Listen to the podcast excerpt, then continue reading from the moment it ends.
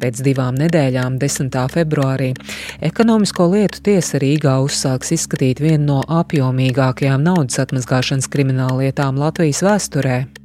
Prokuratūra nodevusi tiesai kriminālu lietu, kurā apsūdzēti vairāki toreizējie ABLV bankvadošie darbinieki par noziedzīgi iegūtu 2,1 miljārdu eiro legalizēšanu. Uz apsūdzēto soli sēdīsies līdz 2018. gadam trešās lielākās Latvijas bankas ABLV līdzīpašnieks Ernests Bernis un bankas vadības komanda. Taču šis nav vienīgais krimināla process, kurā tiek izvērtēta ABLV vadības atbildība. No tā dēvētās pamatlietas izdalīts un šobrīd izmeklēšanai valsts ieņēmuma dienestā nodots atsevišķs krimināla process par izvairīšanos no nodokļu nomaksas lielā apmērā. Ir indikācijas par to, ka uh, ir arī jau nodokļu aprēķins par to, ka banka ir izmantojusi savu offshore tīklu, lai formāli tirgotu uh, offshore.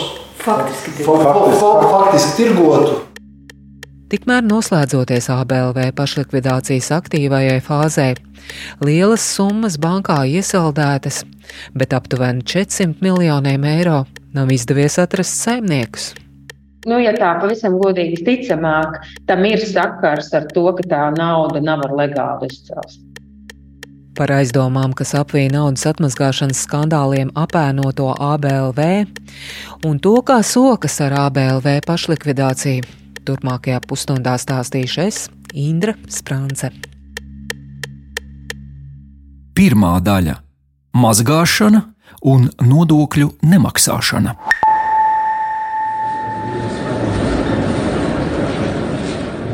Kad pirms trīs gadiem, 2020. gada 28. janvāra rītā, bruņotas pēcvienības vīri iegāja tobrīd pašlikvidācijas stadijā esošajā ABLV, nevienam vēl neprātā neienāca, cik apjomīga beigās izrādīsies šī lieta. Latvijas tiesība aizsardzības iestādes izmeklē 50 miljonu eiro atmazgāšanu likvidējamajā ABLV banka. Šodien bankas telpās izmeklēšanas darbības veica gan korupcijas novēršanas un apkarošanas birojas, gan valsts policijas organizētās noziedzības apkarošanas pārvalde. Tobrīd Latvija karājās mata galā, lai netiktu iekļauta monīvalu finansiāli neusticamo valstu pelēkajā sarakstā un šīs krimināllietas izmeklēšana tika uzticēta ģenerāla prokuratūrai, nevis policijai kā parasti. Krimināla process sāks pamatojoties uz finanšu izlūkošanas dienestā saņemtu informāciju. Izmeklēšana notiek pēc krimināla likuma pāntiem par naudas atmazgāšanu un dokumentu viltošanu. Kādu informāciju finanšu izlūkošanas dienas nodeva tiesību sargiem, nav zināms. Finanšu izlūkošanas dienas gan neslēpa, ka ir izprasījis no ABLV informāciju par bankas vēsturiskiem darījumiem, un ABLV jautājumos sadarbojas ar starptautisko organizāciju Kroll. Šī firma specializējas apjomīgu naudas atmazgāšanas schēmu atšķetināšanā. Krols savulaik izmeklēja arī naudas izzakšanu no Moldavas bankām, kura tika mazgāta arī caur Latviju, tajā skaitā arī caur ABLV. Ģenerāla prokuratūrā pēc visas informācijas apstrādes, liecinieku nopratināšanas, analizējot bankas iekšējos dokumentus un e-pastu saraksti, krimināla process izauga no sākotnējām aizdomām par vismaz 50 miljonu atmazgāšanu uz apsūdzību par 2,1 miljārdu atmaskāšanu, kas īstenota laikā no 2010. gada. Turpinājumā neliels apkopojums no prokuroras Ingas Savčenko apsūdzības, ko publiskoja Latvijas televīzijas raidījums, kas notiek Latvijā. Lēmumā par lietas nodošanu tiesai teikts, ka Ernests Bērnis precīzi nenoskaidrotā laikā un apstākļos, bet ne vēlāk kā 2010. gada 1. maijā mankārīgā nolūkā izveidoja organizētu personu grupu. Tās mērķis bija lielā apmērā legalizēt noziedzīgi iegūtus finanšu līdzekļus. Sadalot lomas un pienākumus nozieguma īstenošanai, Bērnis tajā iesaistīja bankas darbiniekus un ar to saistītas personas. Apsūdzības ieskatā noziedzīgajās darbībās iesaistīti arī bankas un ar to saistīto uzņēmumu darbinieki. Vadims Reinfelds, Aleksandrs Pāža, Igors Rogovs, Kaspars Dreimanis, Zane Kurzemniece, Marks Špungins un uzņēmējs Arvis Steinbergs. Pēdējā vārds publiski izskanējis arī saistībā ar 4 miljārdu dolāru atmazgāšanu Ukrainā. Bērnis bija organizētās grupas izveidotājs. Reinfelds izveidoja SIA ABLV Corporate Services darbības modeli un noteica tādu bankas klientu piesaistes stratēģiju, lai esošie un potenciālie ABLV banku klienti iegādājoties no bankas vai ar tās starpniecību ārvalstu uzņēmumus un saņemot ar to uzturēšanu saistītos pakalpojumus, varētu slēpt īpašumtiesības, naudas līdzekļu izcelsmi un piederību, saņemot noziedzīgi iegūtos naudas līdzekļus šo uzņēmumu atvērtos norēķinu kontos ABLV banka un tos legalizēt, veicot pārskaitījumus par faktiski nenotikušiem darījumiem. Tā norādīts raidījuma, kas notiek Latvijā, publiskotajā prokuroras apsūdzībā. Tā, Inga, Inga. Gatavojot šo raidījumu pagājušā gada nogalē, es tikos ar prokuroru Savčenko un pārējiem šīs lietas izmeklēšanā iesaistītiem prokuroriem. Un šodien vairāk stāstīšu par līdz šim publiski nezināmu šīs izmeklēšanas atzaru. Tas ir saistīts ar jau tiesai nodoto kriminālu procesu. Turpinājumā prokurora Ulda Cinkmaņa un prokurors Savčenko skaidrojums. No, no lietas, kur ir tiesātnes sūtīšanas uz tiesu, tika izdalīts atsevišķs process, jo ir indikācijas par to, ka, nu, pat ne tikai indikācijas, bet ir arī jau nodokļu aprēķins par to, ka banka ir izmantojusi savu offshore tīklu, lai formāli tirgotu uh, offshore Faktiski tirgotu. Faktiski, faktiski tirgotu. Realtātē šie dibinātie offshore bija bankas uh, vadošo amatpersonu kontrolē. Tiesības sargu izmeklēšanā iegūtā informācija liecina, ka banka piedāvājas savā kontrolē esošo offshore tīklu, par ko klienti veikuši dažādus maksājumus, kas oficiāli netika uzrādīti kā ienākumi. Lai kļūtu par bankas klientu, īpaši trešo valstu pilsoņiem, nerezidentiem, viņiem jebkurā gadījumā vajadzēja iegādāties šo offshore, ko banka jau nodrošināja caur savu offshore tīklu šiem sadarbības partneriem.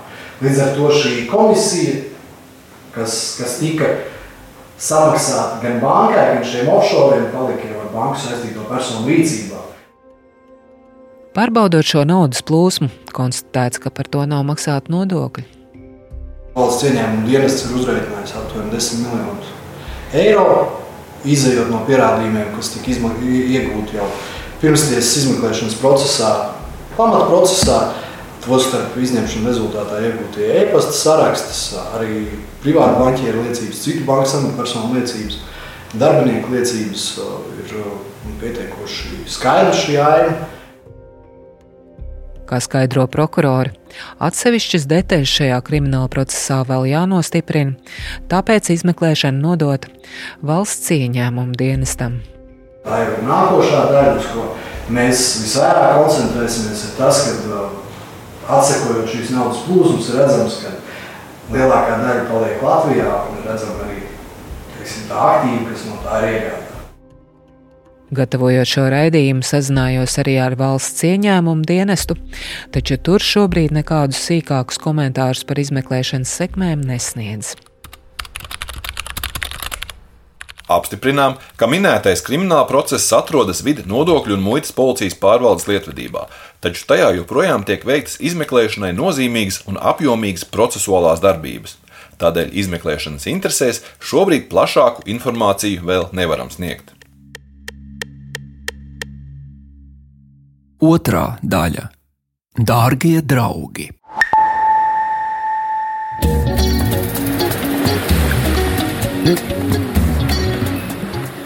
No tā dēvētās ABLV pamatlietas izdalītajā krimināla procesā par izvairīšanos no nodokļu nomaksas lielā apmērā figurē tās pašas trīs Dominikānā un Māršala salās reģistrētās offshore kompānijas, kas atrodams arī 2,1 miljārdu atmazgāšanas lietā. Aizdomas ir, ka bankas vadība tajās akumulējusi klientu veiktos maksājumus par offshore tīklu izmantošanu. Tas, cik daudz šādu pakalpojumu tīkotāju bankai bijis, liecina kopējais šajās čaulās uzkrāto līdzekļu apjoms.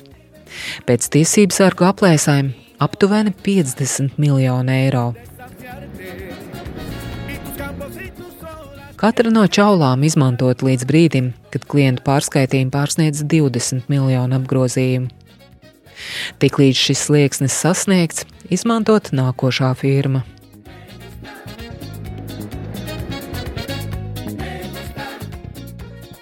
Lai arī offshore piedāvājums nebija oficiāli redzams bankas pakalpojumu bukletos, realitātē banka bija izstrādājusi sistēmu, kurā privātie banķieri klientiem piedāvāja šādu modeli, un bankas un tās meitas kompānijas darbinieki nodrošināja tā darbību.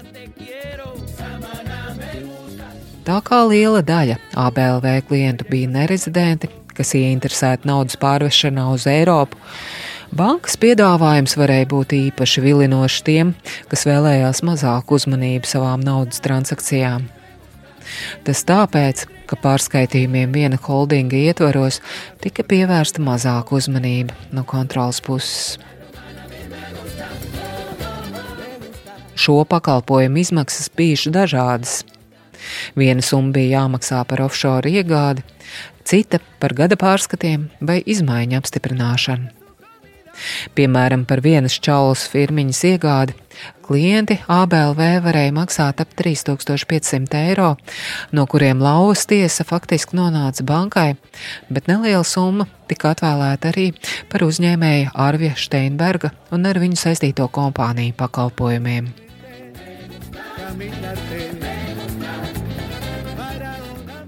Steinberga vārds vairāk kārtīgi izskanējis starptautiskā pētniecisko žurnālistu konsorcija OCCRP rakstos saistībā ar International Overseas Services jeb AIOS grupas darbu Rīgā.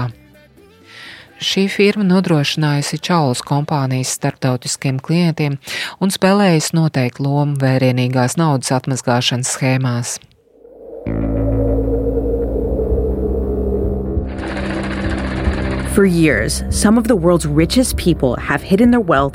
Gadiem ilgi daži no pasaules bagātākajiem cilvēkiem ir slēpuši savu turību nodokļu paradīzēs.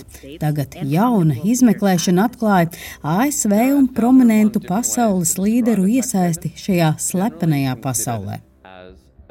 Startautiskais žurnālistu konsorcijas pirms pāris gadiem publiskoja tā dēvētos Pandoras dokumentus, kas atklāja, kur un kā dažādas pasaules prominences slēpuši savu turību.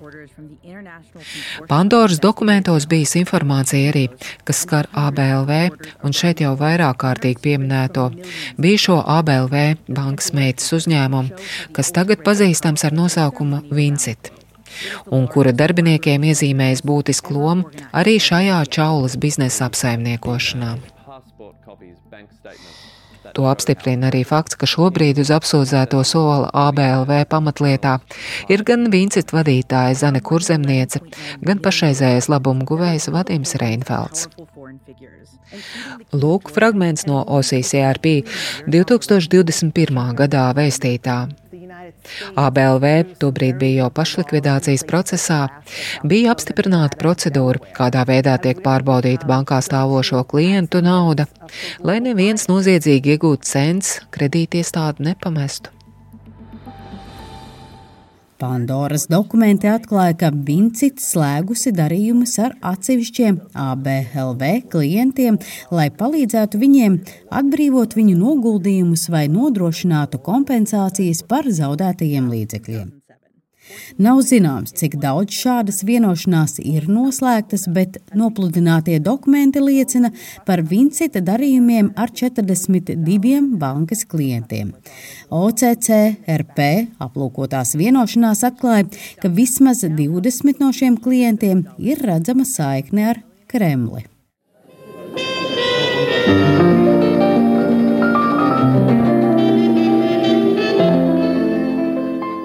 Un šī nav pirmā reize, kad bankas vārds izskan saistībā ar Kremli vai citām ietekmīgām personām austrumos.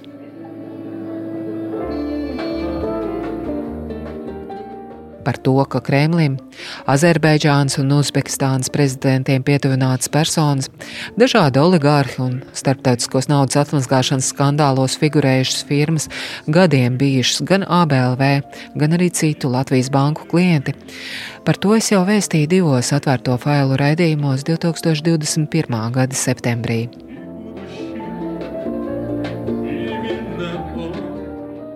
Tagad manā rīcībā nonākusi jauna informācija, kas vedina domāt, ka tieši bijušajam ilgadējam ABLV padomus loceklim Igoram Rapaportam varētu būt bijusi ievērojama loma ABLV savešanā ar ietekmīgiem klientiem austrumos, tajā skaitā ar Kremli saistītiem.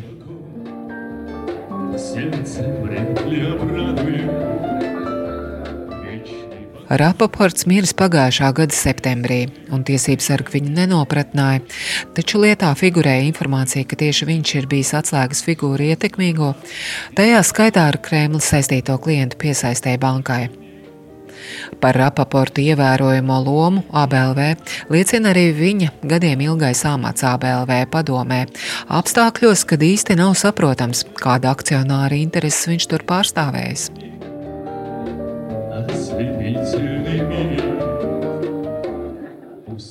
Publiskajā telpā par raportu informācija ir skopa.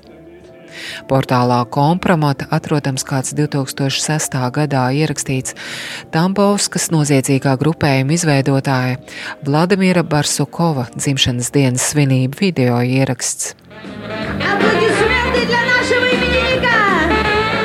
Aplausus mūsu gaviļniekam!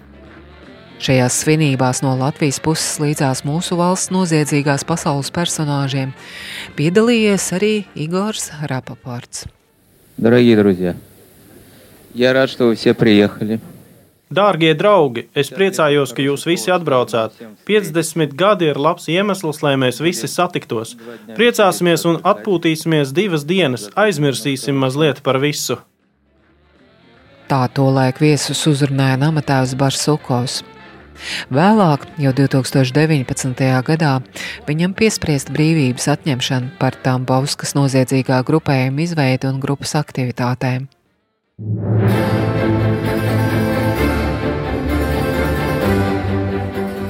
Tiek uzskatīts, ka tieši šis grupējums palīdzēja savulaik pašreizējiem Krievijas prezidentam Vladimiram Putinam nostiprināt viņa varu Sanktpēterburgā.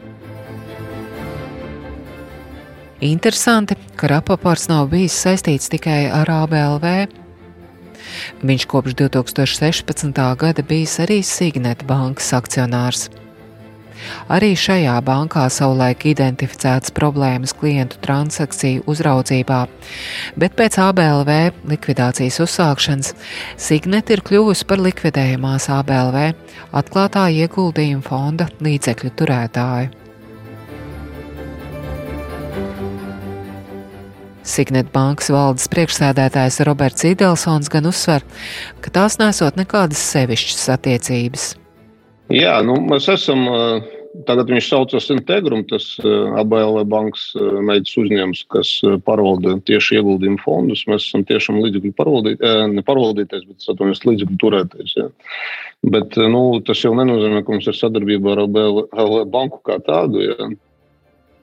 Par netiešu Signet bankas akcionāru raports kļūst laikā, kad bankas vairākuma akcionārs bijis kāds Krievijas pilsonis, un banka vēlējusies pakāpeniski kļūt par vietējiem un ASV akcionāriem piederošu banku. Turpina Idelsons. Jā, vēl padomāt, ja es pareizi atceros datus, tad viņš bija no 10. līdz 17. gadam. Signet banka par akcionāru viņš kļuva 16. gadam. Signet banka viņš nekad nav bijis padomus loceklis un arī kāda veida nav piedalījies bankas pārvaldē. Idelsons stāsta, ka neatceroties, ka Rapaports vispār kādu klientu būtu atvedis uz banku, kur nu vēl ietekmīgus vīrus. Pēc Rapaporta nāves viņa ģimenes uzņēmumam šobrīd Signet bankā pieder 19,5% akciju. Kā ir ar tiem jūsu klientiem? Vai tas kapitāls nav austrumu izcelsmes ietekmīgu vīru kapitāls? Ietekmīgu vīru kapitāls tas noteikti nav un nekad nav bijis. Es gribētu teikt, ja. Um, šobrīd mūsu biznesa vairāk nekā 80% ir Latvijas biznesa. Jā, es nenoliekšu, ka mums ir daži klienti, kuriem ir uzturēšanas atļaujas Latvijā, citas Eiropas Savienības valstīs. Viņi uh, tur uh, daļu mm, no sava kapitāla pie mums arī, ja? nu, kas nav Latvijas pasu turētāji. Ja? Bet tādu tīro Krievijas personu mūsu klientu lokā nav par Rapaporta lomu ABLV padomē, un avots sniegtās ziņas, ka viņš varētu būt bijis atslēgas figūra ABLV kontaktos ar ietekmīgiem vīriem austrumos. Lūdzu komentēt ABLV vadītāju un akcionāru Ernestu Berni. Bernis izvēlējās atbildes sniegt rakstiski, bet tās ierunāja Berņa pārstāvis Artūrs Eglītis. Šādas avotu sniegtās ziņas, kas ir jāliek pēdiņās, Mums ir pārmetuši Ziemeļkorejas sankciju pārkāpums, kas izrādījās nepatiesība un tādas netika atrasts. Un to apliecināja arī Finanšu izlūkošanas dienesta vadītāja. Tāpat mums tika pārmesta korupcija, kas izrādījās vēl lielāka nepatiesība, un to savukārt pierādīja Korupcijas novēršanas un apkarošanas birojas. Bankas vārds parādījās arī slepkavības kontekstā, kas izrādījās absolūti nepatiesība. Un ar šo slogu bija jāsteigā daudzi gadi, lai pierādītu faktiski tas, kas nav jāpierāda. Un šajā gadījumā mēs neskaidrosim vēl vienu absurdu teoriju, kas ir vēl tālāk no patiesības, kā iepriekš norādītie apvainojumi. Bērns arī raksta, ka viņa rīcībā nesot informācijas par no pamatlietas izdalīto kriminālu procesu par izvairīšanos no nodokļu nomaksas lielā apmērā. Viņam nesot arī nekādu statusu šajā lietā. Savukārt pamatlietā par 2,1 miljārdu legalizēšanu Bernis savu vainu neatzīst. ABLV akcionāra viedokli ierunāja Eglītis. Mēs kategoriski nepiekrītam nevienai no apsūdzībām. Lieta ir nesaprotama un neskaidra. Mūs sodīja ar bankas darbības pārtraukšanu, kas tika būvēta 25 gadus, maksājām šeit nodokļus, veicām investīcijas Latvijā, bet tagad tiek darīts viss, lai kaut ko atrastu un mūs sodītu vēlreiz. Mēs ceram un ticam, ka lieta tiks izskatīta taisnīgi un objektīvi. Bērnis uzsver, ka banka darbojasies atbilstoši visiem tolaik spēkā esošiem normatīviem aktiem. To uzraudzīja Finanšu un Kapitāla tirgus komisija, kurai nebija iebildumu, un Eiropas centrālā banka, bet auditēja starptautiskas auditoru kompānijas. Arī naudas aprita ABLV bija cieši saistīta ar pārējām Latvijas bankām. ABLV banka nestrādāja uz neapdzīvotas salas, bet bija kopīgas banku sistēmas dalībnieces. Taču tikai pret vienu banku ir vērsts krimināla process, un tā ir ABLV. Kā mēs zinām, milzīgi resursi ir veltīti bijuši tam, lai kaut ko atrastu. Nevis, piemēram, vienotos par naudas sodu, ja tādu bija pamats piešķirt. Bērns atzīst, ka pavisam balti un pūkaini gan nesot bijuši. Taču nebūšanas salīdzina ar tām, kas atklājušās arī citās bankās, un uzsver, ka esot strādājuši, lai riskus mazinātu. Jā, esam vairāk kārt teikuši, ka bankas darbībā bija nepilnības. Tādas ir bijušas visās kredītiestādēs, tā skaitā Skandināvu bankās, citu valstu īpašnieku bankās, kurām par līdzīgiem pārkāpumiem ir piemēroti naudas sodi, nekā cita. Un arī mēs darījām visu, lai riskus mazinātu. Trešā daļa - simtiem bezsaimnieka miljoni. ABLV īpašniekam Ernestam Bernim var piekrist, ka tik rūpīgi kā ABLV Latvijā neviena kredītiestāde vēl nav veitīta. Un ka pastiprināti ielūkojoties citu banku iekšējā virtuvē, gan jau ka arī tur atklātos skatam ļoti nepatīkamas lietas. Tas, diemžēl, raksturo to biznesa modeli, kāds gadiem Latvijā tika piekopts un kam bija dota zaļā gaisma visaugstākajos līmeņos.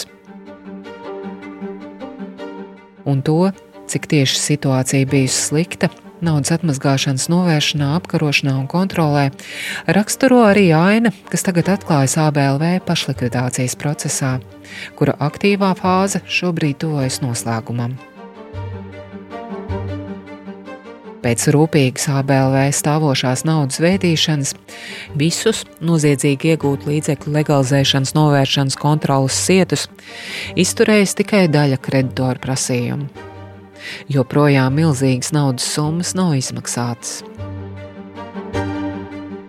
Turpinājumā situācija ar ABLV kreditoru prasījumu apmierināšanu skaidro Latvijas Bankas prezidenta vietniece Santa Purgaila.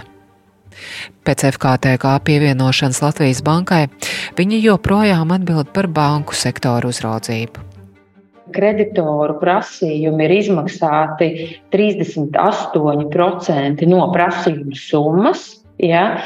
Bet te jāsaprot tas, ka faktiski uz 22. gada beigām 85% no šiem neizmaksātajiem kreditoriem bija prasījumi, kuriem jau bija uzlikts kaut kāda veida arests no tiesību sargājošām institūcijām. Ja? Kā rezultātā Nu, tāpēc arī liekas, ka procentuāli no visa tā kopējā apjoma tas skaitlis nav pat puse, ja, bet nu, tur, ir, tur ir visas šīs te, uh, darbības, ko ir veikušas tiesību sargājošās institūcijas. Lai arī ABLV apvīja virkni kriminālu procesu, un tagad tiesā nonākusi arī lieta par divu miljardu atmazgāšanu, Purgaila uzskata, ka bijis pareizi ļaut bankai pašlikvidēties. Process viņas ieskatā notiekot veiksmīgi, ar visu to, ka lielu daļu naudas kreditoriem nevar izmaksāt. Tas eh, sekmīguma vai veiksmīguma stāsts mūsu acīs eh, ir, ir tāds, ka faktiski process virzās uz priekšu. Ja? Nekas nestāv un kaut kur negaida. Tad visi šie kreditori ir apzināti. Tie, kas ir varējuši saņemt, izgājuši pārbaudas, ir saņēmuši. Tāpēc mēs varam teikt, ka tāda aktīvā likvidācijas fāze faktiski ir beigusies vai tūlīt beigsies. Savukārt visa pārējā bankā stāvošā nauda kuru nav varēts izmaksāt, iedaloties divās grupās. Pirmais ir vai nu jau ir iesaldēts vai arestēts, vai jau arī nokonfiscēts jau šobrīd. Ja? Un otra grupa ir tāda, kuri vienkārši ir tādi nu, guļošie, klusējošie, ja, kuriem ir beidzies jau pilnvaru termiņš, piemēram, ka tur ir bijis kaut kāda pilnvarota persona. Pilnvaras termiņš ir beidzies un nav nekādas informācijas vairāk. Ja, tad, tad ir klusums iestājies. Kopumā 63 miljoni eiro konfiscēti un pārskaitīti valsts kasē. Varbūt jūs varat iezīmēt, cik ir tā lielā bezsaimnieka sadaļa. No apmēram ne līdz pēdējiem miljonam, bet Nu, ja man atmiņa nebija tie pēdējie, kas nav arestēti, bet kas ir tie guļošie, tad uh, tie bija kaut kur starp 300 un 400 uh, miljoniem. Pēc intervijas Purgailes pārstāve man atsūtīja precīzu informāciju. Apmēram 570 kreditori ieņem pasīvu pozīciju saistībā ar savu līdzekļu atgūšanu un nesadarbojas ar bankas likvidatoriem. Viņu kreditoru prasījumu kopējā summa ir 393 miljoni 121 tūkstotis un 585 eiro, tātad gandrīz 400 miljoni eiro. Ja nekas neizmainīsies, un šai naudai nepieteiksies saimnieki, kas var pierādīt savas tiesības uz to, tad šī nauda varētu tikt atzīta par bezsaimnieku naudu un nonāktu valsts makā. Tur arī mēs esam iesākuši sarunas ar Finanšu ministriju par to, ka ar likumdevēja spēku mēģināt saīsināt to termiņu, cik ilgi tie resursi ir jāglabā tajā kontā. Ja, jo, ja tā ir tāda atzīta par bezsaimnieka mantu, tad praktiski būtu varbūt iespējams jāveic izmaiņas likumdošanā, lai to naudu pēc iespējas ātrāk varbūt var jau ieskaitīt valsts budžetā. Un tad, ja kaut kad varbūt, protams, uzrodās uh, saimnieki un, un, un tiek atzīti viņi par šīs naudas īpašniekiem, tur reāli pienāks un būtu izmaksājumi, tad attiecīgi to naudu jau tad no valsts budžeta. Ja. Ja arī kaut kad kādreiz saimnieki uzrastos, viņi tiktu pārbaudīti tieši tāpat, kā tas šobrīd tiek darīts ar visiem pārējiem kreditoru prasījumiem. Vaicāja Purgailē, kāpēc viņas prāt neviens nepiesakās uz 400 bankā stāvošajiem miljoniem. Purgaila atbild šādi. Nu, grūti pateikt. Protams, ka viens no, no variantiem ir, ka joprojām tā nauda ka ir, ir apzināti, ka, ka, ka šie īpašnieki, šie kreditori ir apzinājušies, ka viņi nespēs pierādīt šīs naudas leģitimitāti un to leģitīmo izcelsmi. Tāpēc vienkārši ir atmetuši ar roku ja, kaut ko. Nu, tas varētu būt viens no, no, no, no secinājumiem, bet Nu, pārējais, jā, grūti pateikt. Varbūt jau, jau ir kaut kādas arī citas dzīves līkloči ja, tiem cilvēkiem, vai arī, piemēram, ir, ir, ir bijuši ļoti daudz arī šie pārsvarā tie, tās ir nerezidentu o, kompānijas. Ja, Jā, tikpat labi jau iespējams, ka tā ir kaut kāda jau, jau juridiska jau problēma kaut kur citur, tajā valstī, ja mītnes, kur viņš saprot, ka šeit vairs, nu, ka, ka pašai tai juridiskai firmai jau vairs īsti nav, varbūt viņa nav vairs dzīvot spējīga, ja, vai jau ir likvidēta. Tā kā, nu, ja tā pavisam godīgi ticamāk, tam ir sakars ar to, ka tā nauda nav ar legālu izcelsmi.